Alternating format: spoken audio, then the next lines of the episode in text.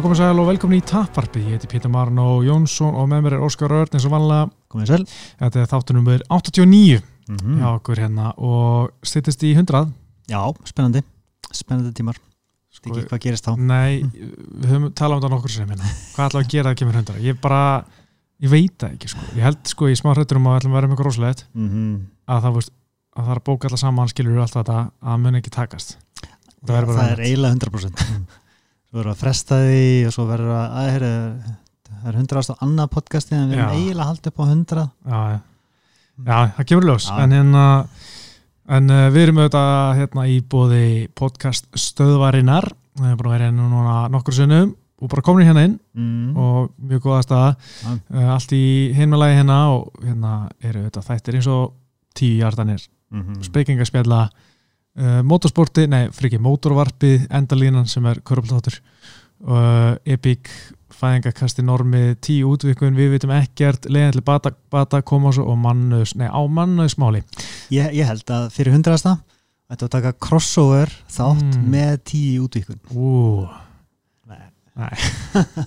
sjáum til með það, en hérna, við ætlum ekki að tala um tíu útvikun, heldur ætlum við að tala um uh, tíu stiga dómarakerfið hérna í MMA.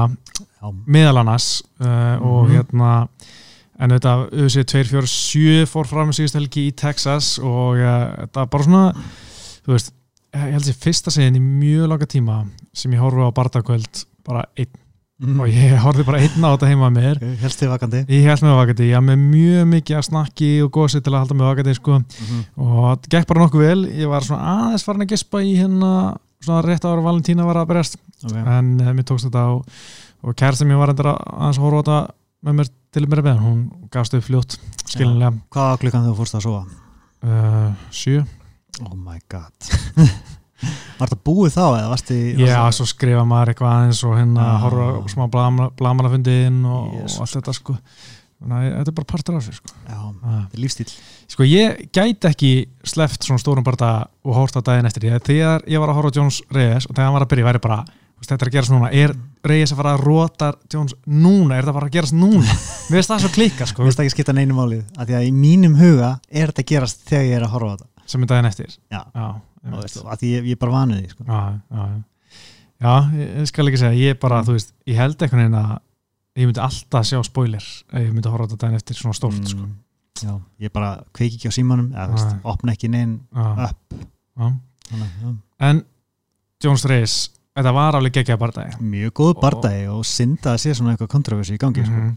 og við tölum um svolítið fyrir hennar bardagan í síðasta hætti að þú veist Reyes styrti svolítið að vera óttalöðs og byrjaði krafti og svolítið vaða í John Jones og það er bara það sem hann gerði það bara, mm hann var bara að komið strax með beina vinstri bara til tvær sekundur bara svipað og svo Conor gerði mútið í Sörjóni bara, kom bara, hann bara var að vaða í hann. Mm mér finnst það geðveitt og bara bomba í hann, þunghögg, sparka það ágjörði strax að hann myndi fara bara að stræka sig átt þú veist, vera, vera þreyttur strax mm. sem maður reyndar varð ekki Mm. í raunin en uh, með geðveitt hvað, hvað, og hvað hann tókst að koma inn höggum háspörk sem hittu og Mm. veist, bara magnaða eiginlega Já, hann svona leiði Jones bara aldrei að ná sinni takti Nei. strax sem er svona takturinn hjá Jones er Mhm. eitthvað sem hann svona, hann bara kemst í ákveðin rithma og bara saksaði niður hægt og rólega en Já. hann einhvern veginn bara leiði Jones ekki komast í hennar takt strax Mhm. en svo svona að fá, fórum í þriðlótuna eitthvað sér í lókinu annari þá fórum við að sjá meira frá John Jones og hérna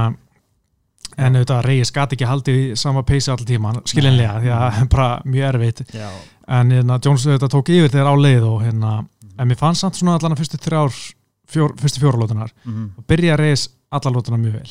Veist, fyrsta mínútan í þriðja fjóru þá byrja að reyðis mjög vel en síðan svona vann Jones svolítið svona setni helmingin á lótunni og það svolítið náttúrulega skilur svolítið eftir í, eh, svona hjá, hjá dómurunum, svona rísin sig bæjas kannski. Já. og mannst freka hvað gerist síðustu tvær mínútan í lótunni heldur fyrstu tvær mínútanar í lótunni og líka bara því að hann er, hann er meira að lappa áfram. Mm það er svona þú, færi það allavega þá tilfinningu að hann sé að vinna eitthvað með ef hann er að lappa þig niður en, en veist, það virt samt vera planið hjá Reyes að, að bakka. Já, hann var bara mjög reyðvalur hann var notaði að, svona hvað sem er, góðan reymanleika hann var Mhm. mikið að fara til hliðar. Hann Já. var ekki að bakka að láta festa sig upp í búrið. Nei, ekki beint hérna- aftur. Nei, og hérna var bara mjög mikið farlega hægri vinstri sem var mjög gott, mjög vel gert í honum. Mm en hérna, hann gaf Jones lítinn tíma til að komast inn í barðan hann var líka duglegur að fara í skrokkin, það var eitthvað Já. sem við vor- vorum að tala um líka fyrir að það er margir sem er að headhunta Jones Mhm. reyna að rota hann, þú sklóti sér að þú veist, Gustafsson, uh, Tiago Santos. En uh, Reyes var miklu meira að fara í skrokkin heldur en við séum marga að gera og Mhm. það var held ég að virka mjög vel, hann var líka að sparka mikið hann í lappinu á honum og sem hafa búin að býða pínu og svona, ekki margir sem hafa verið að sparka í þessa skinny legs hjá John Jones Samt ykkur með virðist ekkert býta á hann Nei, hann er grjót Harry. Ég held að við getum sagt ímislega John Jones Já. en maðurinn er ógeðslega harður og með geðveika hugu Já, sýnir aldrei við bröð mm -hmm. aldrei eitthvað mm, Mm þannig að bara prop sko. Já, besta pókufeysi í geiminu mm Mhm. hann hlýtur að finna fyrir þessu sko. Já, lítur að vera sko. Og ég meina, þú veist, Reyes uh, hann alltaf var með flotta felluvörð líka. Mhm. Jones reyndi að taka niður nokkur sinnum en, en sko, Reyes náttúrulega þegar hann var í þau tvö skipti sem hann fjall niður, hann var strax farin aftur upp. Já, og það hafði ekki mikið að segja fannst með hann. En auðvitað svo gaf hann svolítið eftir í fjórulóti ég menna við horfum á Mhm. bara striking tölunar en hafa með eh, 26 höggalenda af 45 í þriðlótu Mhm. sem er svona ára hann fór fjara út og svo í fjórulóti þá kom mikið droppa, hann bara um 13 af 41 alveg Já. seipa mikið höggur sem hann var að henda en lendi bara hel mikið minna og ég held að það hafi svolítið verið bara því að hann var hægari, þreytari og Mhm. hérna og auðvöldra fyrir Jones að verjast í. Og kannski Jones búin að læra eitthvað inn á, inn á reynsið og svona. Já, þetta var algjörlega svona tvískipti bara það mm, bara fyrri og setni luti og bara spurning hvar þú þér fannst Jones taka við já, hver er skilin eitthvað staðar í þriði lótu sko Mhm. og er það nógu framalega í þriði lótu til þess að hann í þriði lótuna skilið Einmitt, sko. það, er, Já. það er það sem menn er að deila um er þessi önnur að þriðlöta og kannski förum hans mm. nánar í dómaróskurinu eftir en Mhm. hérna svona klárum hans bardaðan og hérna er að eitt sem ég fannst svona svolítið koma sjást svolítið þessum barda sem er sást líka svolítið svona bara í síðustu bardaðum er að mér finnst wrestlingi hjá Jones ekki eins gott svona offensively, svona sóknulega eins og það hefur verið, veist, mér fannst hann náttúrulega hann náði ekki að taka niður en náði ekki að halda hann þetta tilu valla sem teikt hann þessi, þessi nýju teiktan sem að reyndi ég skrif þetta bara frekar á, á reyðið sér góður sko. mm, en við sáum líka, þú veist, bara í gegnum tíðina finnst mér Jones ekki hafa verið eins svona, sem, svona bara eh, ná eins mörgum fellum og ná svona dominant stjórn mm. í gólfinu í síðustu barndum var hann að gera það snemma?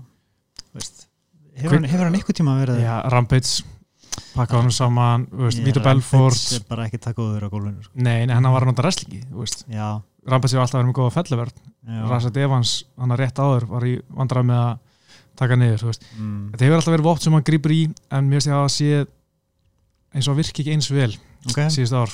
Pæling. Já, þetta er bara, ég veit, veit ekki, Já. mín pæling. Ég sá þetta ekki alveg svona en, en það getur vel verið En mér finnst líka eitt með Anna með Jones sem er ennþá upp á top 10 mm. upp á, í tipp top standi Mm. skulle segja, Já.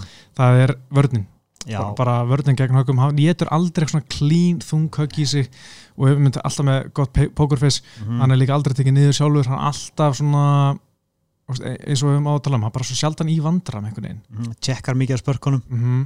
og bara einhvern veginn er alltaf aðeins svona komið svona millimetra frá högginu, snýr sér og eins og segir, tekur bara brota af högginu í rauninni, lítur alltaf verið út fyrir að þú veist, verið en það er. Mm það er náttúrulega máli, ég held að hann sé sko hann er alltaf bara mjög góður að fela hökuna bak við öxlina, hann mm. setur svona öx, axlina svolítið upp og er með þessar löngu hendur sem er, er að rétta út sem var, þú veist, heldur og ég, margir bókstælar myndi segja það og þetta ekki að setja hendurinn út til þess að verja höggið, en einhvern veginn virkar þetta hjá hann, hann er með hendurinn langt úti puttan hann á nálega alltaf en er einhvern veginn aldrei að geta þessu högg bara beint á hausin eins og maður myndi halda myndi gerast sko. mm -hmm. já, hann er bara snillingur í þessu sko. Akkurat sko og hérna ég var í sko helst til í rímans eftir þetta og hérna þetta er svona eitt af, ég veit ég oft tala þetta, ég hata einsta rímans, þetta er eitt af þar sem ég vil fá einsta rímans, ég fannst bara reyðis vinna mm -hmm. og ég mér fannst að vinna, vin, vin, vinna fyrstu þrjálótunar en það er líka bara jafn og spennandi, og og mér finnst þetta svipa eins og þegar Líotum að síta og hérna sjókan börjast, þannig fyrir partan. Þar vann maður síta hjá, eftir dómarakurinn, klopna dómarakurinn minni við og þeir mættu strax eftir það sem sjókan rótaðan en, hérna, en ég vil eiginlega sjá Rímas og ég er minna spenntið fyrir Jones í þungat núna eftir Já. þetta. Já, ég myndi eiginlega bara vilja fá uh, Reyes á móti Thiago Santos. Tveir sem að gáðu Jones góðan barda og Santos náttúrulega lendi meðslum í þeim barda sem að hindra hann svolítið að, þú veist, berjast mm -hmm. eins og gat sko þannig Já. að bara láta þá berjast um réttin til þess að fá að berjast aftur við Jones Já, já, það er það sem ég myndi vilja ég, ég mm, vill ekki alveg strax sig og bara Mhm. þó við þurfum að sjá Corey Anderson eða Blackowitz já. var næst þá bara þá er það eitthvað nýtt Mm ég er alveg til í það og svo fá þeir síðans já, ég meina ég er ekkert að hata það en mér Mm. langar meira að sjá Reyes aftur sko, en ég er samt það pínu langt síðan, sko ég held að Corey Anderson vinni Jan Blackowitz mm en það pínu, sem man ekki hvenar það var svona pjúra wrestler sem fór í, í John Jones sem er að fara bara svona, hann er bara að fara að skjóta double leg, Mhm, já, hann er svolítið að fara að hanga á hann sko. ég held að hann sé ekki ég vona það allan nema Corey Anderson frjósi og komast aldrei í taktin eins og anstæðingar hans lenda oft í Mhm. að hérna, ef Corey Anderson fær uh, tækifæri, hann bara svona verði svolítið óttalaus og hérna bara reynir bara að gera það sem hann gerir Mhm. og reyna að wrestla John Jones en ég held að virka ekkit vel sko, en bara, mér langar að pína að sjá það já, já, það má, má reyna ég man ekki alveg hvernig fyrst í Blackowitz Anderson barndaginn var, það er að rífa hann upp Já, Andersson bara búli hann, bara Já. mennhöndla hann og ok, það var svolítið fannst sem er ótt vandamáli með Mm. Blackwoods framan af, hann var svolítið svona óslega góður, hann var að vinna, mm en ef einhver svona, mér finnst það brotnaði öll já, þegar kom mótlati þá bara svona Mhm. var hann bara í, í, á bækinu í gardi að reyna á einhverjum arbar sem Mhm. er, þú veist, mér finnst það svona easy way out, Eða svona, hann er bara svona að láta pínu lemja sig, Mhm. en mér finnst það svona gæti barast meira uh, um að halda sér á standa, standandi Mhm. og hérna og sínt meira til að vinna bardan já, en, en ég held hann af eitthvað ég veit ekki hva, hvort það sé bara tilvílun en hann hefur svona náttúrulega tekið smá stökk upp veit ekki hvort það sé bara andlita en mér finnst hann hafa svona elevitast aðeins og hérna sé ekki eins mikið að brotna Mhm. uh, auðvitað eins og gerði. Mér finnst það að vera með betra mótlatist þól já þetta verður áhugavert. Já, en uh, En- já, annað með Jones sko, hann er náttúrulega má ég það, við erum náttúrulega hann er hægt að að fyrir margt, en hann hefur aldrei verið að forðast anstæðika í sínu flokki. Mhm. hann er alltaf bara mætt, Já. alltaf samþýtt, aldrei vesen hann er aldrei eins og Taran Woodley að tuða hennar og ég vil ekki fá þenni, ég vil fá superfights hann bara gerir sitt, skrifur undir og hann berst við alltaf að gæja þó að sé kannski ekki mikill svona eitthvað money fight eða eitthvað stórt nafn eða, eða hann ekkert sérst- sérstaklega mótu vera fyrir, hann bara mætir og vinnur alltaf já, þó að það sé náttúrulega stundum kontroversial en hann má eiga það bara alltaf mætti leiks kláraði vinninu sína og já engi svona stjórnustæðla þannig séð sko. Nei, en, en eftir já. Já. En já, ég, veist, í tengslu þetta svona að segja á, veist, ég held að sé allir núna búnir að átta sig á því að til þess að vinna Jones þá þarftu bara vaðinn sko. Mhm. getur ekki verið smegur, getur ekki Mhm. beðið þarf bara að vaðast að og held að Andersson myndi fatta það sko. já, en Þannig að- sko nú er sko, maður pælar allt í þessu eftir síðustu framstöður, hvort það sé ekki að stýttast í tapi hjá John Jones það hlýtur bara að vera sko. en veist, eru, hann er bara 32, hann er 33 í júli í sumar mm en þú veist, það eru marga mílur á tankinum Já. aldurinn segir allt. Hó- hennar bara á, hann er var 33 í janúar, hann er gjörsalega búin að því -hmm. uh, Hósi Aldo, hann er 33 líka hann er, þú veist, ekki lengur upp á sitt besta. En svo er þetta mjög misjátt ég meina, mm. Glófið til sér, hann er komin yfir fært hann er ennþá að vinna góða já, já Menna, mm það eru undartekningar algjörlega, en mérna og svo er náttúrulega kannski má pæla með partistandi hjá John Jones ekki beint svona heilbriðu lífstil sem hann er ofta að sína okkur. Mhm. og hérna, og svo náttúrulega aldrei að vita nema Júsata sé bara að býta hann bara í rassin hann sé bara ekki sami bardama núna og, og hann var, þú veist. Já, alltaf hinn hliðin er bara að þú veist, hann er búin að vera svo lengi að gauðrættin eru með mikið að, að þú veist, barðum til þess að stúdira og bara gauðrættin sem eru núna konur upp, þeir eru búin að þú veist, forrita sjálfa sig til þess að vinna John Jones. Þannig að það er verður bara erfur erfur að vera beltið. Já, það er náttúrulega alltaf málega mistari og hérna Mm. Ég er svona, GSB hann var hvað 32 þegar hann hætti. Mm. og hann fannst að vera að nigna ekki eins góður og ég held að sé klála sama máli með John Jones, hann er á leiðinu niður, hann er að hann er að raka aðeins, já. en hann er samt ennþá bestur í heimi, Ég- svona, ég held að það- sé ekki orðin þannig, en, en veist, hann er á niðurleið, ég held að sé ekki hægt að neyta því, ég menna, mm. kannski ekki sami íþróttumæður, en ég held líka að gera svolítið með aldrinum, sáum að mjög skýrt hjá Rasset Evans og svona fleiri eldri barðamennum að þeir, þú veist, vita betur, þeir eru þú veist, tanglega betri, kannski ekki eins ræðir en þeir verða meira híkandi og það kemur meira híki og þeir eru ekki eins svona óttalusir að taka eitthvað spinning backfist eða hérna snúandi olbo og, og, og sem við sáum svolítið miklu meira hjá John Jones bara Já, þegar hann var að koma upp fyrst sko hann er allt annar bardaðamæður í runni sko. mm -hmm. Þú veist, maður rifjur upp Stefan Bonner bardaðan og eitthvað, veist, maður sér það ekki lengur sko. en, sem er synd sko. það, var, það var skemmtilegu gaur sko. Já, það var svolítið þannig sko ég líka sko sakna svolítið svona ground and pound, svona ruthless ground and pound, það sem hann var að olbúa þú veist, það var uh, það var svolítið rosalegt sko Olbo sko bara frá hérna bynd uppi í hvernig maður lýsi því djöfullega langur sko bara, Já, bara og, risti sko- sig alveg upp Já. og bara BOOM úff, það var skeri gæði sko. Já, en ég minna hann er náttúrulega bara aðeins öðru sér bara það maður þetta meira Mm. taktiskur og hérna tæknilegur en, en tekur ekki skada nei, og maður bara sér reynsluna. Veist, og þegar, og, veist, í fyrstu lótunum þegar Reyes var að veist, raðin höggum, þá sá maður bara Jones er bara, veist, hann er bara, ok, hann er að tapa sér lótu, en hann, hann er þarna þá, veist, Mm. og hann er ekki að fara að þreytast eins mikið, hann er ekki eða orkunni hann, bara, hann er að taka þetta reynslunni.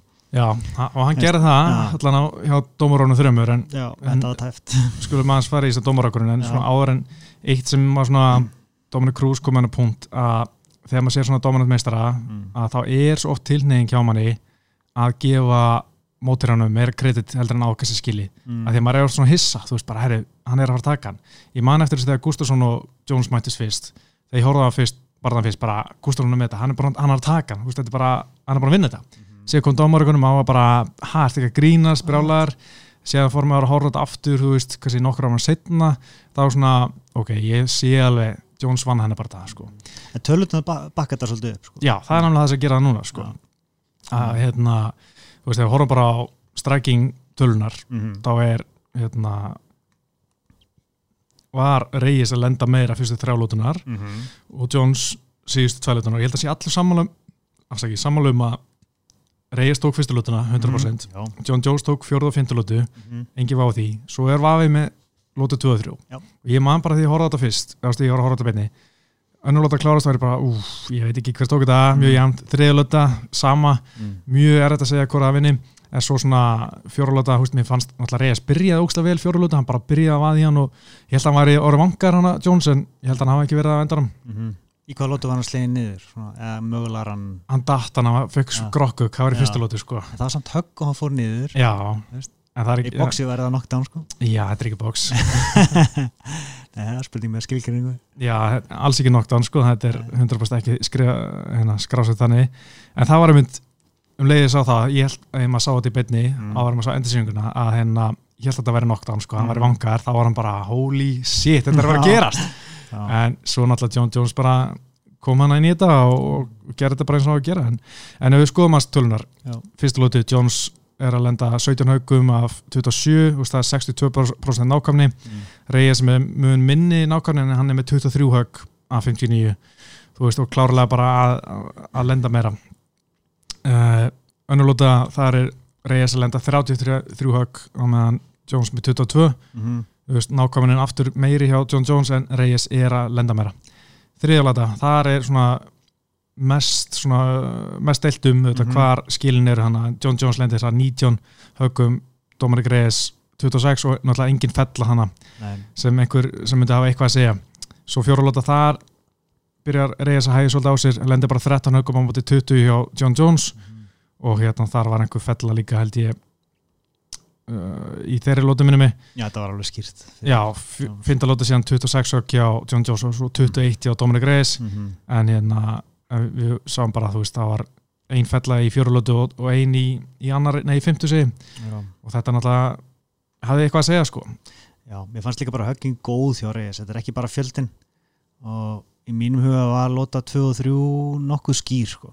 þannig að eftir þrjár þá var ég alveg bara ok, Jones þarf að róta hann mm. Ég var Já. þar sko. Já. en, en samt þetta kemur ekkert á óvart menna, veist, hversu oft höfum við séð tæpa bara þetta var jafn bardæði, þú getur, getur ekki kvarta sko. Nei, alls ekki sko nú getur bara kvarta út af þessum fáið þess að sagði fjögur eitt fyrir, fyrir Jones, það meikar ekkert sen sko. Nei, nei, en sko ég var að skoða svolítið reglunar bara eftir þetta og hvernig reglunar, regluverki virkar bara mm -hmm. og hlusta á einhver, einhver dóma, dómar að tala um þetta og það er, þú veist effective striking eða grappling, það er bara first priority þegar þú ert Mhm. að meta bara það síðan kemur effective aggressiveness bara hvort er svona sækja meira, það er svona plan B ef hitt er alveg jæmt og svo er bara plan C sem er svona cage eða ring control, það er ef hitt er alveg jæmt, Já. sem er alltaf mjög sjálfgett en þarna sáðu þau alltaf bara ok, Reyes var að lenda fleiri höggum í fyrstu þrejum lótunum Mhm.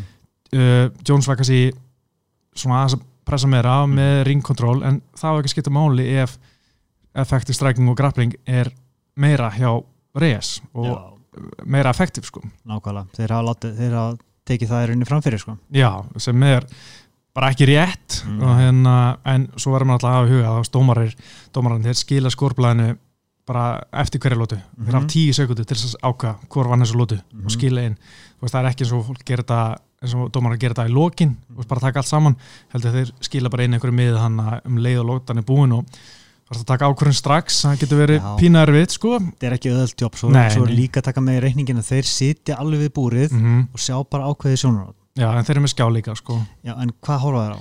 þeir horfa á sko, skjáðan þegar þeir sjá ekki aksjónu nógu vel þeir þurfa að horfa á Þeir, eiga að gera það já, allavega. já. Svo allavega var í einhverjum barða þetta kvöld sem að, sem að Joe Rogan var að benda dómarinn að þeir eru að horfa á gólfið. Já, það er bara búið að debunka það sko. Ok, ok. það hérna, Var hann að horfa á skjáin eða? já, hann var að horfa á skjáðan ok, ok. Það er svo típist Jórókan, Já. byrja með eitthvað svona og það er bara ekkert að baka þetta. Nei, og hérna, þú veist, svo bara grípið það allir og ég gerði alveg sjálfur líka sko á þessum tíma. En, en ég er búin að sjá að þetta er hann er að horfa á skjáin Já, já, ok. Og það er bara gott að mm, hafi verið að því sko. Eins gott maður Það hefur verið pínu skandal Já, en þú veist, svo er líka sko meira, þú veist, uh, þetta með octagon control, þú veist, það lenda miklu, lenda, þú veist, fleiri höggum, hefur miklu meira að segja heldur en octagon control, þú veist, það er bara, og líka sko ef höggin eru með svona immediate effect, þú veist, Mm. eða það hefur miklu meira að segja heldur en bara fjöldi högga. Mhm. Þannig að ef sko höggin gerir meira skada, eða svona fight fitness, eða svona damaging stuff, það hefur alltaf í forgangi fram meður allt annað sko. Eða, Já, og þú veist, og svona að, sá sem er að pressa eða svona advancing í barndánum mm -hmm. það hefur enga þýðingu nema allt sé 100% jamt og hérna og svo eins og bara með bara glímuna, bara guardpass það hefur ekkert að segja nema að gera eitthvað við stöðuna sem kemst í sem er, þú veist, uh, úst, bara guardpass pluss einhver högg, það hefur miklu meira að segja heldur guardpass og síðan engin högg í gólunni, engin skæði, það er, þýðir ekki neitt. Nei, það er ekkit alveg effektiv grappling og, og sama með sko að lenda fellu, sko, enná fellu. Veist, það, sko, successful takedown í bókinni Mhm. er ekki bara nákvæmum niður og stöðubreiting, heldur líka sko, eins og segir, establishing an attack from the use of that takedown. Já, bara það að gera eitthvað já, já, og þess vegna vann Latifi ekki þriðilötu gegn Derek Lewis mm -hmm. hann gerði ekkit við felluna sem hann Nei, náði. og sama með John Jones, hann gerði ekkit við felluna gegn í fjóra og fymtalötu Nei, en samt taldi John Jones það hafa eitthvað að segja sem ég held að sé bara ekki rétt ég held að sé freka bara hann lendi fleira högum mhm, og, hérna, og sama með þú veist bara einhver breyting á stöðu það skorar ekki nema að sé gert eitthvað við það mhm. og þú veist það er ekki sérst og samkvæmt reglunum skiptir staðan ekki máli hvort sé topp eða bottom það er bara hvor, Hver er að ógna já, hvor að ógna og hvað gerir við stöðuna sem skiptir máli hjá dómarunum Mhm. og líka annað svona, önnur svona mýta sem er svona late takedown að það vinur lótu það, það hefur bara algjör mýta sem var kannski einhvern tíman Mhm. en það er ekki búið að vera þannig mörg ár bara algengum miskilningur og ég held að sé miskilningur sem kemur oft bara frá Joe Rogan og Mhm. þeim sem er að lýsa að það er þeir og ég held að Joe Rogan þekki regluna mjög takmarkað með hvað maður heyrir átt að segja. Mhm. ég held að John Anik þekki regluna betur sko, ég held að hann sem er að pæla í þessu. Mhm. og þú veist, en ef þetta er mjög jöllóta takedown lendurhökkum, það getur skipt máli. Mhm. en ef þú lendur nær bara takedowni ger ekkert við það, þá hefur ekkert mikið að segja sko. Og þú veist þarf það að gera eitthvað veist, og sama með sko eins og með bara strækingi. Ef þú veist, hann tók sem dæmi en dómar hann sem ég var að hlusta á Ísrael Adesanya og hérna Robert Mhm. þú veist, Whittaker var að vinna fyrstu lótu hann var að stræka meira en svo í lokinu fyrstu lótu þá nær Adesanya að droppa Whittaker Mhm. og þá umsöðlust vannar lótuna því að hann var með, hans stræking hafði miklu meira svona immediate effect Mhm. og meiri skada og hafði eitthvað miklu meira að segja heldur en allt það sem Whittaker hafði gert á hundan og það er svona most influence þú veist, það sem, uh, höggi, það Já. hefur meira að segja sko Mhm. og hérna Allt mjög logist sko. Já, og ég held að þetta séu, þú veist, margir tala um að þetta séu galla kerfi, en ég held að þetta séu ekkert svo galla kerfi, ég held að fyrir eitthvað bara að dómarinn séu liðlir, Já, sérstaklega í Texas. mm klálega. Uh, Mér finnst oft bara gott gamla góða bara hvor hefði ég viljað vera í þessari lótu það, það er mjög basic en það er yfirleitt rétt að svara sem kemur úr því sko. veist, hef, hefði ég vilja vera gaurinn sem að náði betri höggum eða gaurinn sem að veist, nóða það eins og gólfinu? Já, einmitt, einmitt sko uh, Svo er önnur svona mýta sem við oftar tala um er You have to beat the champion to be the champion. Það er náttúrulega algjör kæft og þú veist, margir er alveg sammála því en, Mhm. en ég menna, hvernig eiga dómarar að gera það, er bara ok, Já. nú er tilbardagi herri, nú þurfa að skora þetta öðruvísi. Nú þurfa að skora fjóru og fyndu öðruvísi en við gerum vanlega svo við erum með bók, fylgjum með bókinni hérna. Nei, það meikir ekkert sens. Nei, þetta er náttúrulega ekki þannig, ég held að þetta sé meira svona sálfræðilega áhrif eins og við varst að tala um áðan, veist, er John Jones Mhm. þú veist, hann er að gera eitthvað, þú veist og, að ég veit það ekki, Já, ég held að sé meira sálfræðilega áhrif sko. já, en, algjörlega sko. ekki að hugsa þetta meðvitað. Nei, nei, nei, nei sko. En uh, svo er annað sem mér finnst oft mjög ávert er hérna, nú var svolítið að tala um ég held að það hefði ekki skipt neinum mál í þessu borta er að tala um svona open scoring. Að þú Mm. kemur bara á einhver skjá herri, Jones 10, Reyes 9 Já, og heildast í upp á skjá. Þannig að bardamenn og áhundur og þjálfarar vita hvað staðan er og veist, áður en síðasta lótan kemur eða þegar líður Mm. bardaðan já, ég er ekki hrifin að því sko. mm ég, allan það sem ég óttast mest er að ef ykkur er vel yfir, búin að vinna fyrstu tvær -hmm. hann bara kósti síðustu já, þú veist, hlaupi bara. Já, en, og, og hvað? en það sko að forðast bardaðan auðvitslega, það er getur mist þig. En ég er meira Mist það tvöm, fengi þá 10-8 á eða? nei, bara, þú veist ef það er- 10-10-9, þá var hann bara að vinna. Nei, það er jættabli Nei, 10-8 ég sé vissi, ef hann- ef hann- Já, þannig að það er 10-8 já, það er jættabli en sko ef við horfum á líka bara, þú veist segjum að þú sitt búin að vinna með núna Mhm. tvær lótur gegn einni, mhm, en, engri segjum Já.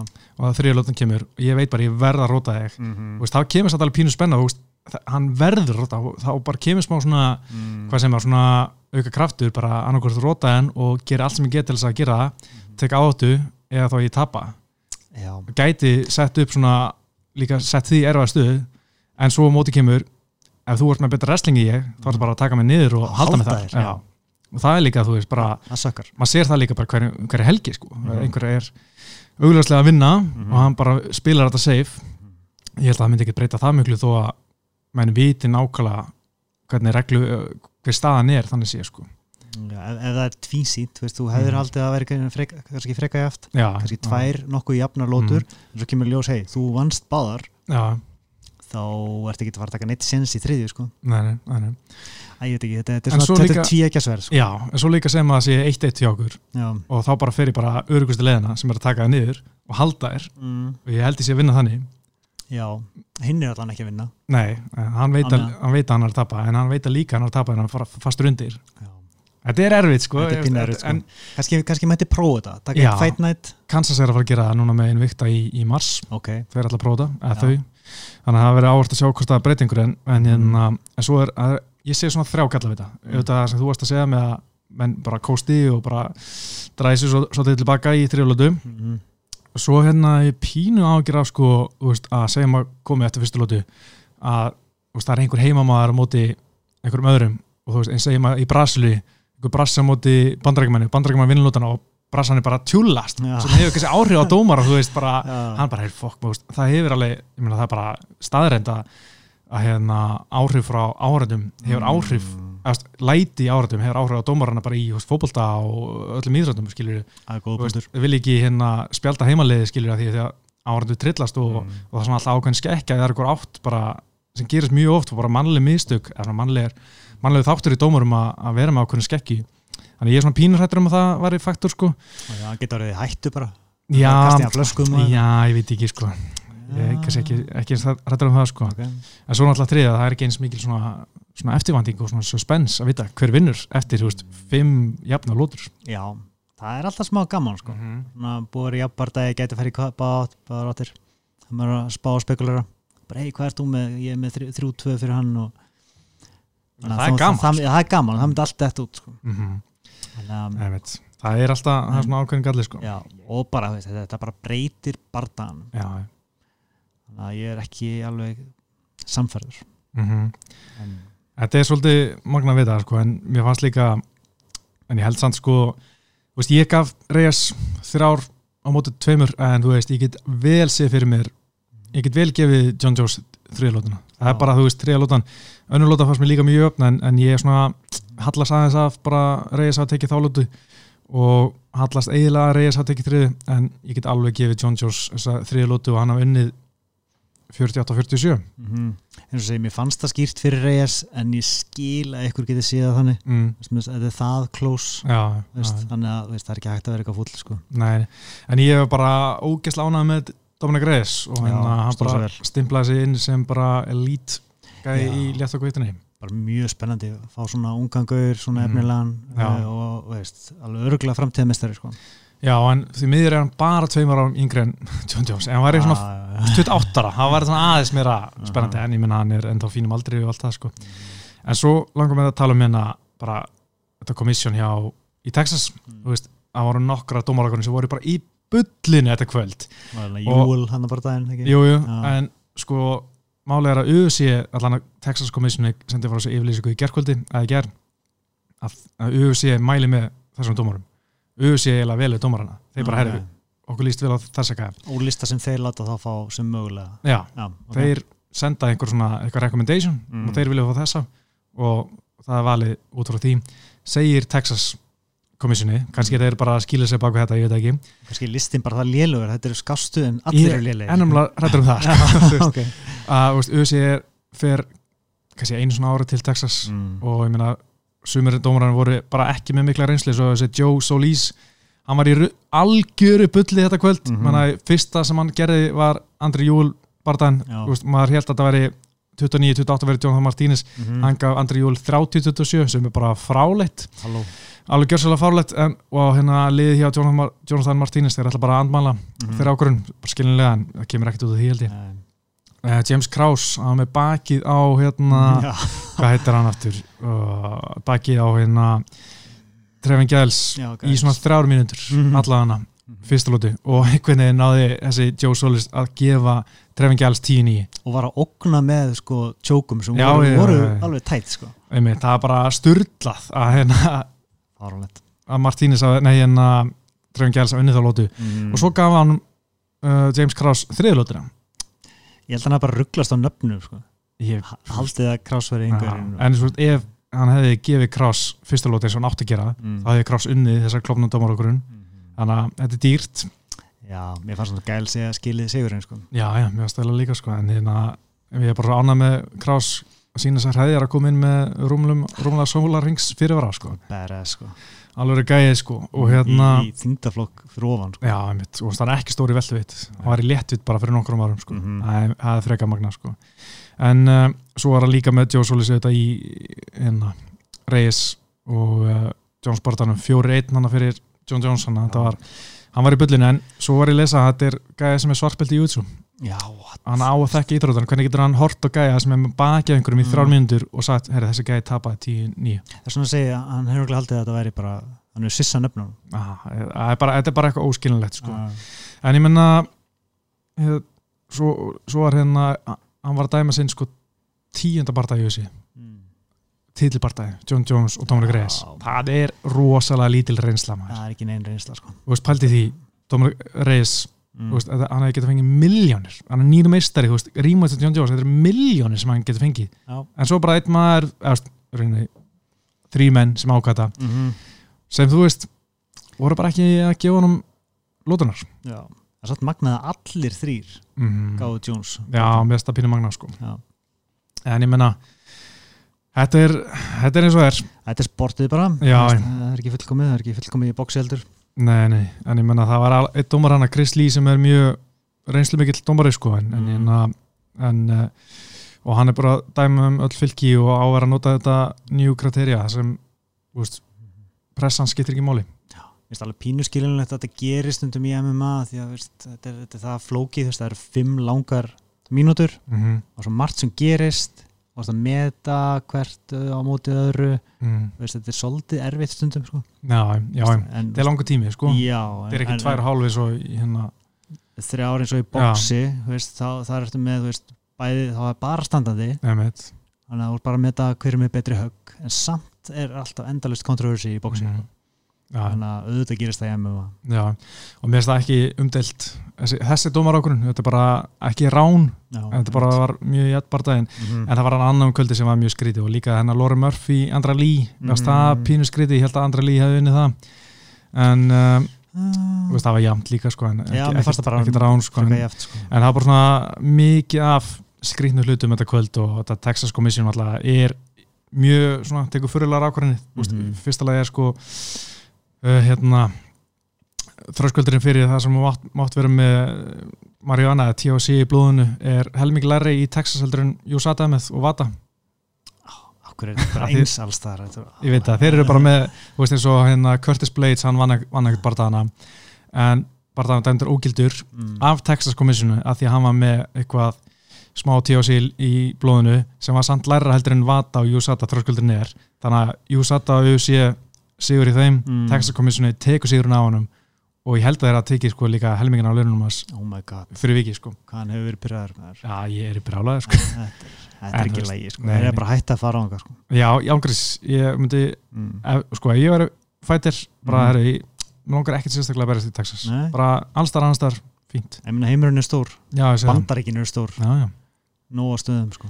ég segi það sko það var, það var algjör óþar að fara þanga og hérna Mm. Texas ég er bara með svona skrýtna reglur og skrýtna Já. menningu held ég bara mm. Það vart mistari, þú veist Þetta er ekki fara að verja beltið þarna sko. Nei, takk, nei, takk Nefnum að bara klára bardaðin eins og vinkunaðin Valentína Sessenko Ó já, Já. svona á að gera þetta sko. Já, en enga, dómara Nei, Nei, það sko- en sko þú veist, ok, við tölum um barndan þetta var algjört rúst Mhm. og þú veist, þetta er bara svona, það átti ekki sens og þetta er bara svona það var bara 100% henni, hún átti ekki Nei, breyk, það, var svo, það var svo flott sko. Eins, og, eins og sparkið þarna sem hún Mhm. snýri sér og það kallast Já, bara snúnings þetta, var- þetta, þetta var svona einhvern veginn Já, kynnin á henni já. þetta var svo fullkomið sko. Ég, já, ég var aðlánað með að, að, Valentína náða að klára hana mm þetta var ekki bara eitthvað svona eitthvað svona dans, Nei, nei, fimm lótur það var bara, hún valtaði yfir hann sko. og hún virka bara svona þýndaflokki frá óan Mhm. þegar kemur að styrk Já. og bara svona tók hana bara svolítið karpusið bara í, með fellanum og stjórna hann í gólunni, gólunu Mhm. en sko ég veit ekki hvað Katlin Tjúkeikjan alltaf að gera hann í þriðlút þegar byrjar svona að hoppa í gard bara hvað er þetta að gera og hætti við sko Mhm. og að síðan tekið niður en þú veist að þessi ákvörðin á hann að ætla að hoppa í gard þegar hann búin að vera tekið niður fyrstu tvælutuna og væri bara svona pínu rústuð í gólunu Já, þetta er bara eitthvað desperation sko. Já, þetta var mjög, mjög skríti en ég menna, þetta var svolítið svona eins og við vorum búin að tala um eða bara akkurat þess að ég bjóst við Mm. Crucifix í þriðlótu, kíkja á bara nákvæmlega, hún myndi einangra höndin og koma svona stutt olbúa Sagði það? Já. Vel gert. Ég bara, þarf bara að finna það sjálfur og Já. spila þetta hérna tíu sem röð Já, ég spáði að þetta færi á stig sko, Já. Cookian myndi halda sér frá. Og, Já, já, en þú veist, þetta var eins mikið rúst og það gerist. En finnst þér gaman að þessu sko? Eiginlega ekki. Nei, ok, ég fæ, mér finnst það gaman sko. Já, En þú veist, ég er samt ekki viss um að ég nenni að horfa á þetta aftur og aftur og aftur og aftur þú veist. sko þetta er eins og með hérna Dimitri- Dimitris Jónsson, hann var svona Mm. besta Já, Mér fannst þetta aldrei eitthvað það gaman að því maður aldrei vera ógn við mistara þegar hann var að berast við, þú veist, hérna Chris Cariaso og Mm. Jós, nei, byrju, hérna úst, þessar gæði sem bara voru svo langt frá hann og mér fannst þetta bara alltaf vera svona herri, DJ tekur hann að barða og bara Mm. hvenar vinnur, Ver- verður þetta dómaragrun eða mun hann klára hann ekkert sján mhm, og þú veist, þetta var alltaf bara svona ógæslega örugt hjá DJ mhm, og veist, þurfti ekki að taka mikið sen, skerði það ekki og maður einhvern veginn svona hafði aldrei trú á að anstækjur myndi vinna. Og það var aldrei það spennandi þú veist, maður er bara svona horfa á þetta bara til að sjá hvað er hann að fara að gera mhm, sem er þetta gaman, já, en þú veist, það er miklu skemmtilega að maður er svona það er allan smá von, þú veist, Kathleen var ekki eins og með punches chance, Nei. þú veist, hún er aldrei droppa neinum, í- hún er droppa ein, einum anstæðing, ég veist mhm, og það var Háspark sem var flotan á móti en uh, Lískar Múts mhm. en þú veist, það var bara engin ógn Það er svona, veist, eða það hefði barist þúsund sinnum mm -hmm. aldrei henni Nei, það bara, ég held að sé bara alveg hægt að staða það sko. Eina sem var svona möguleiki með þeim sem var að reyna að ógna triangle en hún, hún Mm. virtist ekki veist, hún kunni ekki að setja það upp fannst mér, Já, og hún satt Já. alveg brúmpeldi í þessu undir hens og Gracie sko, já, ég en, veit ekki alveg hvað hann var að gera sko. já, ég var ekki hrifin að þessum og bara ekki af hennar mögulegu fyrirfram og Nei. hvað hún hafði upp á bjóða bara og, og þetta er bara vandabali með flugutina Valentína er alltaf góð já, og þú veist, ég veit ekki hvernig þessi flokku væri ef Valentína væri ekki hana hvort Mm. það væri það bara að það var ég vantilega, Jóna J-Sack bara að fara á hanga en þú veist, það var þetta kannski bara svona Kathleen Jokekian, Liz Carmouts Joseph Mm. mm. Calderwood það væri Nico Montano ef hann myndi ná vikt já, og væri að berjast það væri soldið gæða lítið það er kannski, dapurt sko já, svona kannski ekki, ekki svona alvöru heimsklassa eins og Valentína er Nei. og Amanda Nunes skilur við Mhm. er ekki alltaf að tala um að svona mistari liftur öllum hinum upp allir hinn er verða að verða þeim mun betri þannig að þeir leggja sér meira fram og Já, ég bara er alveg til í það sko. maður veit ekki sko það tekur nokkur ár sko. Já, og maður sá það held ég bara með hvað stráðina Þú veist, Jónan Dindjasek var Mm. bara miklu betri hann að framan af já, en svo komum við hérna bara á, mm. á já. catch up. Kannski munurinn eh, einn munur á henni og DJ er að hún er þarna á milli þingdaflokka mm. Að hún hefur valmöguleika sem að DJ hefði ekki hún gæti tekið farið, farið upp eða niður. Mm um, þú veist, við vitum ekki hvort hún getur farið niður það er alveg Já, ég held að það sé örgulega ekkit öðvöld, hún var náttúrulega í 135 pundu fyrir ekkert svo löngu. Já, hún hún fór tvo langa barda á móti Amanda Nunes veist, sem er náttúrulega bara best allra tíma og rótaði Cyborg hann að hún getur, hún getur barast í þeim þingdaflokki líka sko. Núnes, nei, en að Valentína Róta hún Cyborg nei, uh, Am- Amanda Nunes Já, Amanda Núnes, en Já. ég held að tala um Valentína Nei, hún barast í Amanda Nunes Já, já, sem rótaði. Cyborg Sorry, ég er reyna að tengast Já, hérna, já, ég er ekki alveg safatið sko. En hérna, já ég þú veist, ég nenn, sko, náttúrulega Valentína, sorry, gegn gegn núni setjumbartan var það leiðilegur Mm. að ég er ekkert eitthvað Nei. öskrandi spenntur í að sjá það að mætast aftur? Það er eiginlega vandamáli sko. Já, en hún getur barast í þeim þingdaflokki mm, það er svona kannski punkturinn. Já. en nei, ég er ekkert æstur að sjá það aftur sko. Nei, sko ég er svona eiginlega bara vonast eftir að Væli Sjeng bara taki gott Já. pakki öllu saman á svona ári, mm fara sem bara upp. Það væri sjúkt. Ég held eiginlega að Valentína þurfa meiðast til að vera smá á hliðlinni í svona 8 mánu til að leiða hennum að catch up já, hún er nú yfirleitt haldið sér nokkuð heilli sko. Já, hann er duglega að berjast Já. það er alveg vandamál hjá henni sko. En Chang, þú veist, það er alltaf að tala um hana mm við séð svo, svo lítið af henni Hún, þannig að hún er ennþá freka græn sko. -hmm. og ég er ekkert svo vissum að vinni Jóna Dietrich, já, jú, ég tippa á það en veist, það er ekkert Mm. örugt sko. nei, það alveg spennandi bara það sko. mm það er núna í mars Mm. svona, en já, það ætti að segja okkur mikið um, um hvað hún getur framtíða sko. já, algjörlega. Og þá líka berjast við Nama Júnes já, ég er spenntur að sjá hana aftur sko. mm -hmm. Stráetin er langskemmtrasti flokkur sko. Búin að vera lengi sko. mm þú veist að vera með Whaley Sang, Johanna Jessica Andrash og Rosnama Jonas já, og náttúrulega svo up and comers eins og Tatiana Suárez. Mm Já. það er svona vantar svolítið svona þess að nýlega í flugvitina, við erum náttúrulega með Macy Barber mm. en hún brotlendi heldur betur Já. fyrir í no, janúar. Mm þannig að já, og fokkaði bleppin á sér já, einmitt, hún er farið að vera frá í ár. Mhm. þannig að það var svolítið leðilegt en við höfum uppáldið þitt Roxanne. Hún er að fara að skora á með langar pína að sjá, að bara, sjá hvað gerist sko. að Roxanne móti feri á móti Valentíni Sisenko já, það, það er slátrun. Já, já, 100% en ég menna, það er allt slátrun. Já, það er allt, allt sláturinn sko.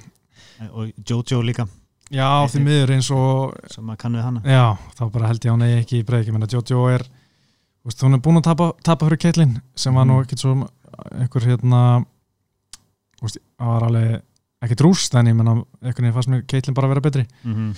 og ég menna Jojo vann Andrew Lee síðast í september. Og ég held að hún sé að vera með einhvern barða framöndan nei, hún er ekki með neitt. Að ég er að vonast þetta að flugvitinu var bara svona að halda í við uh, Valentínu, bara stíga hans upp sko. Eins og- Stund, stundu gerist hratt, það kemur ykkur inn og Já, nákvæmlega.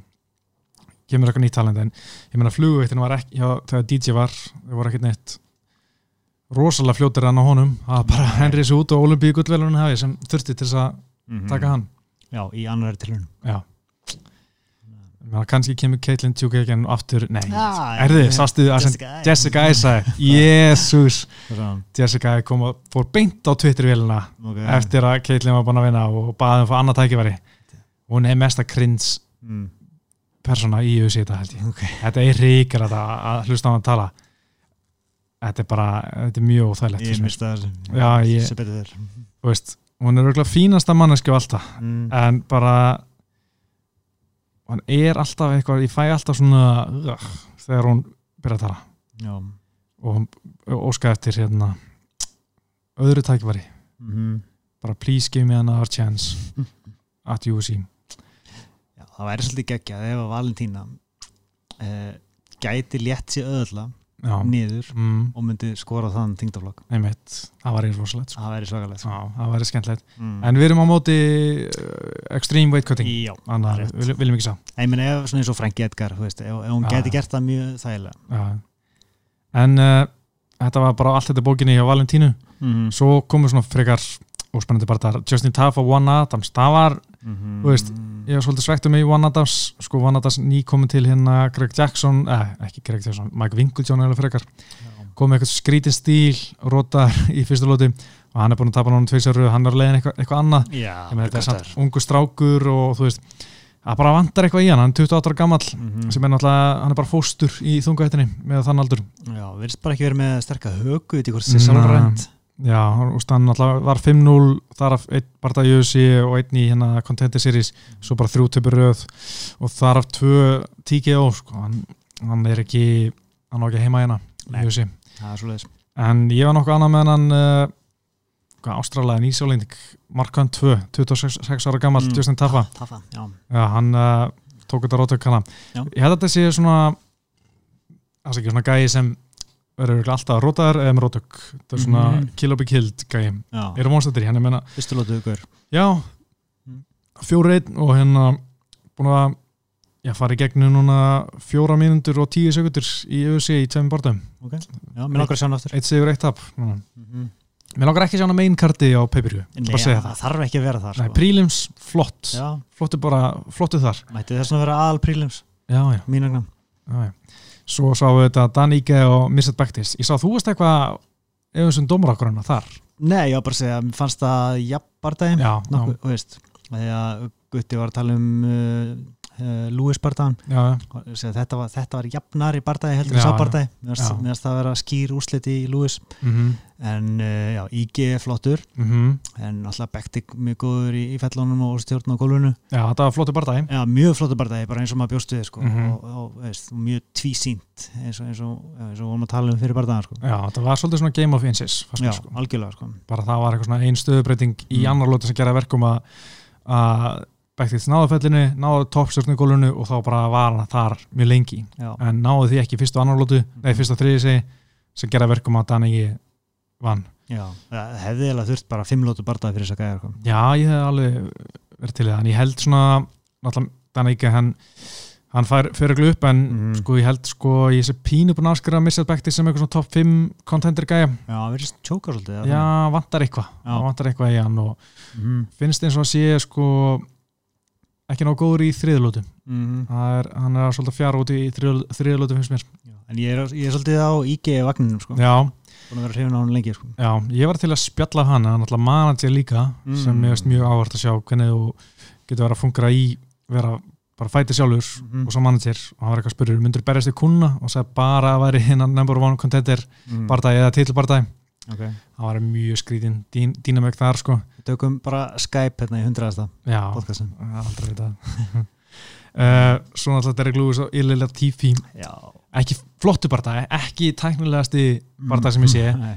en þriðilötu Derek Lewis, Mhm. það er skemmtilega ég fíla það, Mér úst, ég var alveg til í stundum að spóla bara þanga til svona í lokin og bardaganu, sjá hvað Derek Lewis er að gera þá kemur svona smá svona urgency í honum. Já, ég verð samt að segja meðan hann sína hliðar á sig sem hann er ekki gert áður. Það var með fljúandi nýi alveg í tvígang og, og hröð hásbörg hann, virkaði bara athletic og komin á eitthvað aðeins, aðeins annað level. Já, já, er það ekki? jú, ég, ég held það bara. Já, og ég meina, mér finnst samt alltaf eitthvað svona pínum vandræðat við að horfa hann eins og þegar hann hérna var með reisastóran plömmer og svona, þú veist, það er alltaf eitthvað svona hjá hann sko. ég Og fýla þú- já, já, og síðan, þú veist, hann er að taka þessar reisabombur sem er ekki að hitta það þú veist, það er þetta svona alv klunarlegt en, en ég hef gaman að þessu, sko. Já, hann er karakter. Já, Þú veist, að hann, hann þarf ekki að fara neitt sko. nei, en mér leist svona frekar illa það sem var að segja hjá Ariel Helvaninger hann var með Mm. eitthvað condition sem er svona bara lífsættulegt og lækna að að hann mætti ekki að berjast. Ah, og ég veit ekki hver, hverju framtíð hans verður. Og hann vildi ekkit segja nánar hvað það var mm. þannig ég mista pínu óþægilegt segja þetta og svo næstu þú fyrir lækniskoðinu og UFC, mm, hvað þá? nefnitt Það er kannski ekki nóg á að nei, ég veit ekki hvað þetta geti verið sko, en, mm. en ég verð samt að segja að finnst alveg tífi betri en ég bjóstu Já hann náði fellunum sem ég oftar enn ef ég held mm Það er ekki, mér varst hann ekki gera mikið í þessum barða hann mm. -hmm. rétt, já, hann náði jú, það var flott þegar hann hendunum mm -hmm, ja. já, og, Mhm. og trippið þarna en svo gerði hann ekki raskat við fellinu sko. lá Nei. bara á hann þétt, þú veist, hann veit Mhm. náttúrulega hvað Lúis er góður að standa upp bara, bara hann passaði ekki í gardið, nei ég held að það sé bara fínt að gera ekki á móti Já. Derek Lewis það er kannski allt í lagi sko. Mm. en þú er að koma með ykkur olbú Já, og eitthvað pound algjörlega, 100% og, og þetta er bara verðskulda fyrst mér hjá Derek Lewis að vinna þó einhverjum, einhverjum var svona hissa á því ykkur ónefndur aðli Já, en hérna en ég, mér með var Derek Lewis var allan daginn nær því að klára hann að barda í þriða lótum og Mhm. meira imp- impact á högunum, meira effective striking já. og effective gra grappling heldur en hjá Latifi já, ég hef klálega heldur vilja að vera Lúis í þessum barða heldur en Já. Latifi sko. það er rétt það er bara hann sko. uh, svo náttúrulega prílins, uh, fyrir svona stuttlega við það, mm. James uh, var, Já. tölum við maður, hann var geggjar, Úst, mér varst hann Gangstar. Úst, ég hef alltaf fílan gæða, þetta er líka gæði sem ég var mjög mikið til að tala við Mhm. en hérna hann náttúrulega kemur inn í flokki fyrir ofan sig Mhm. og nær fellin í fyrsta lótu, næsti búin að klára þetta og ég held að þetta væri að fara að vera eitthvað geggja moment, en vel gert trefum gæls að lifa þetta af og, Ja. og gerði náttúrulega mjög vel og maður sá hvað þetta var högþungu gæði Mhm. mér fa- fannst því svona að sjá alveg mikið augrúslega svona starðamun á þeim Mhm. en hérna trefum gæls bara fekk annan sigur, já nokkuð verðskulda fyrst mér sko Já, algjörlega bara flott Já. en þetta var, þetta var klálega frekar heimskulega ákvörun hjá Krás sko. Já, sex sigrar rauð og svo var það búið veist. Já, en það er samt spurning hvort hún verði eitthvað refsa fyrir þetta sko. Ég held ekki, ég held að hann fái bara hann fekk bara svona örgulega ákveðs props auðvitað og aðdáðandum ég held að Mhm. vörumerki hans hafi stækkað Já, ég held að hann svona hann er ekki þekktasti barðamæri heimi en ég held að menn kannski aðeins kveikja perinu núna hjá já, og hann, þú veist hann er á sigurgöngu í velduvitt mm. ég held að það sé oft svona þegar þessi sigurgöngu talun upp á einhver skjám þá segjar eitthvað, svona margir sigrar í velduvitt Já, þeir, já. þeir gera það alltaf þegar hæpa upp eitthvað gæja auðvitað sko. Mhm. en hann, ég held að hann hef ekki tapað mikið og svo hann er pott þétt fengið eitthvað svona gamaldags uh, svona locker room bónus hann að vera, annað er bara fáralegt sko. Hann alltaf fekk það nætt sko. og örgulega fengið eitthvað aðeins ekstra já, hann er skarpist strákur, hann er fjárfesta mikið í hérna í fastegnum og er með fullt af svona Airbnb íbúðum Mm. í, ég held að segja Kansas Ok. þannig að þetta er sniður strákur. Já. og hann var mjög mikið að hérna, æfa með og þjálfa. Hann er líka svona uppröðandi þjálfari. Hann er mikið að þjálfa. Mm. og hann er hérna var allan mikið að æfa með Zach Cummings. Mann eftir honum bara í kringum Gunnabardan þá voru þeir mjög oft mikið að æfa saman. Alltaf svona svolítið svipaðar barðam eða svona léttvitt og veltvitt þá hérna góður æfingafélar þar að lendi já. en uh, Zach Cummings var- fór á undan móti Treving Gæls í fyrra.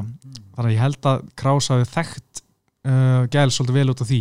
Já, kannski verið örgari út af því. ég ímynda mér það en Já. kannski er ekkert lengur að vinna saman. Ég ætla að hann sá Zach Cummings ekkert á svæðinu þú veist, með James Kraus þannig að kannski er þetta bara veist, að að farið sér áttan yfir dagi Mhm.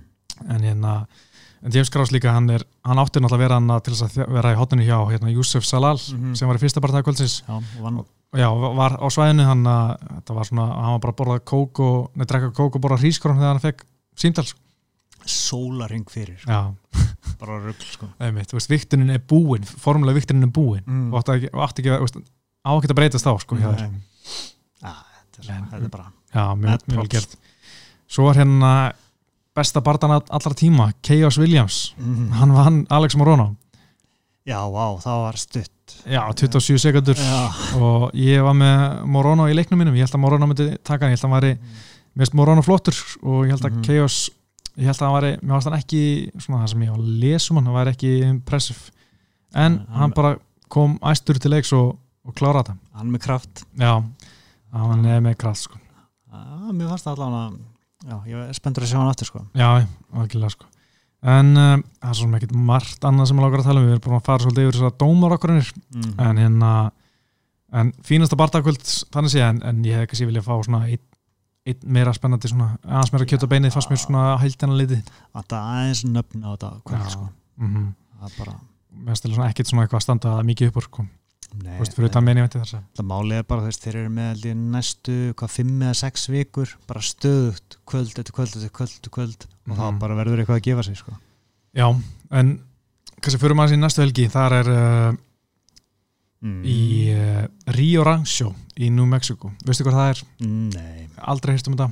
ekki nei. Nei. en hérna þar er Corey Anderson og Jan Blackovits Mm -hmm. og það er nú bara fínir bara það þar fyrst reyna- náttúrulega já. Corey Anderson og Jan Blackovits ég held að Corey Anderson takk þetta bara eins og síðast Já, ég myndi pray. spá því bara en Blackwood getur alveg verið segur og, Mm. og, og er alveg högþungur ef hann kemur inn rétt á Já, já, högginu já. og Andersson hefur verið rótaður Mhm, einmitt.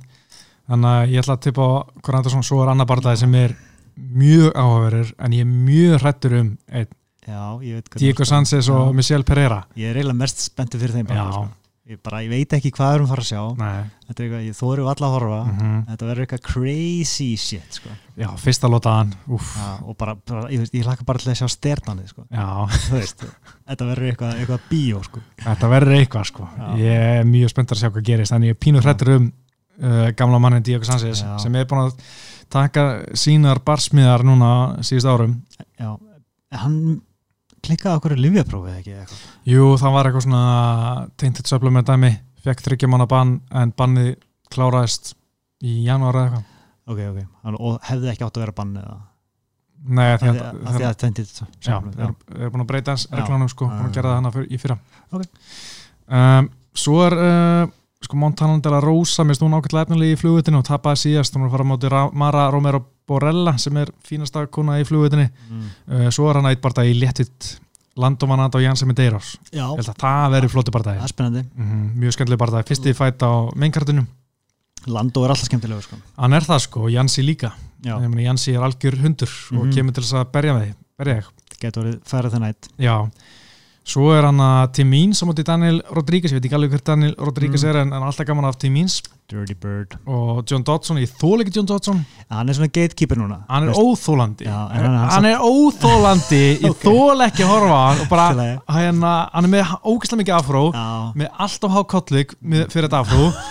Og svo gera hann ekkert og er alltaf kvartandi í dómarum Já, hann var að berjast á móti hérna Petri Jan mm, og hann var bara tuðu dómarunum en Petri Jan var bara að berja. Hann. Já, hann er alltaf fórnalamp sko. Já, hann er óþáld og ég, ég- sé líka svo mikið, sorry sem minnimartakend sem er í honum að því hann er 1.50 hæði eitthvað. Mm, mm. ég man einhvern veginn þegar hann var að fara móti DJ hann var í Embedded, hann var eitthvað að æfa í hérna töf gimminum Mm. og það var eitthvað NBA-lið sem var eitthvað að skoða. Og ég sá svo mikla minnimartakend í hann bara gegnum svo stóra NBA-görum hann var svona svo mikið að sína sig, hann var í búrunu og að svona og Mm. og hann já, já, já, geða cool, eitthvað svona mig. aftur eitthvað, ei, og bara, það er bara, æ, koma hann Svona svo krakki Já, og hann er alltaf eins og sé svona 15 ára en hann er alveg orðin sko 35 ára gammal sko Já. ég get ekki hennar mann lengur sko Nei, ég er samt mist fínt að nota hann sem svona gatekeeper og, Já, já. og hann er góður þessi strákur sem er á mótónum mm 26 ára Nate Woods Já, þetta er búin að vinna þrjá yfir síðan Þannig að það er bara, þetta er bara flott test sko. Mhm. og fín nótkun á svona óþólandi barðamanni Já, hann er búin að klára alla með submission Reyningi Sjók og Dars þannig að ég er búin að klára John Dodson, ég held samt að það ekki en, en Það er mjög erfitt nefnilega. Þess vegna er hann fítn í svona. Já Svo er hann að léttið Jim Miller og Scott Holtzman það er mm. flottu bara það Já. Jim Miller er á príli eins og þetta er gæði sem er að fara að bæta að jafna held ég Donald Steroni yfir flesta partæksu Hvað er hann að gera á prílims á svona kvöldi? Ég veit, ég ekki er hann er er það, er. Já, er ekki einu svona aðalprílim með Nei, það en þetta er kannski til að stilla fá fólk til að koma snemma inn og stilla inn á. Pínu respekt hérna. Já, já Hann er að fara á móti 36 ára uh, hockeygæðinum Scott Holtzman. Mm. Mér varst það flottur hérna uh, oft sko, hann Holtzman. Búin að vinna, já, einn í röð hann, hann tapaði hérna fyrir Nick Lentz en, en, en búin að vinna fjóru sístu fimm. Já, ég kemur hann ekki alveg fyrir mér hann er jacked okay. fárlega massar, 36 ára gammal var í hockey og hérna er hjá, uh, hvað er þetta Emma Lab í hana Ben Holtzman Ben Holtzman, hérna Ben Henderson sí. Okay. uh, mér stann flottur fættir en uh, vona að Jim Miller bara rótan, Mm. nei hérna söpan sí Þetta er alveg lúmst kvöld nefnilega sko, Já, ég er spenntur sko Þetta er eiginlega svona, þetta er eiginlega dýbra kvöld heldur en þetta þessi 247 sko. prílis allana, Já. er, er svona aðeins meiri, meiri gæði hér og þar Já. Ég er spenntur, ég ætla veit ekki hvort ég horfa á alla parta en, en mengar þetta byrja eitt. Ég Já. hugsa maður að vera komin heim þá eftir eitthvað tjút Mhm. og hérna og taka þetta bara, svo prílis byrja tíu. Þú ættir eiginlega að vinna bara sem nætuvörður á virkum dögum. Það ertu búin að þú bara ert með sólarhengið þannig. Já, einmitt, það er aldrei að vita. Nei, ég, Nei. ég er gamla því sem ég gerir Ok. Eh, Ég er alltaf núna að leita barndum. Og tíminn minn fyrir mikið í það og mér finnst það mjög gaman en, en fyrir svona 20 nei fæ ég kannski eitt já ja. þannig að það er það gengur erfilega skal ég segja mm. en uh, eitthvað update nei, þú veist ég er bara að leita, ég er hættur að leita Englandi fyrir allan að atvinnubarða, Mhm. það gengur ekkit fæ ég engan til að berjast við Bjarka Ómars og Björnlökas Nei. en ég er svona farin að leita aðeins mér á meginlandið, Okay. sjá hvað gerist þar Póland, Þískaland, Ítalja Mm. En ég veit ekki, ég er ekki björnsitt en Rússland. Ég held bara að það sé svo tæft. Eitthvað, okay. það er alltaf dýrt að fljúa þanga ég mm. held að stýra að fara þanga aldrei en Póland og búndur og þú veist, ég veit ekki hvort það flói beint. Jú, það hlýtur að flói beint til St. Petersburg og hvað eh, mamma er fara í borgarferð þanga það hlýtur að beint flug með æslandir bara. Mm. en herri, við ætlum að fara að setja gott. Ég heiti Óskar. Uh, þakku fyrir árdana og verið sæl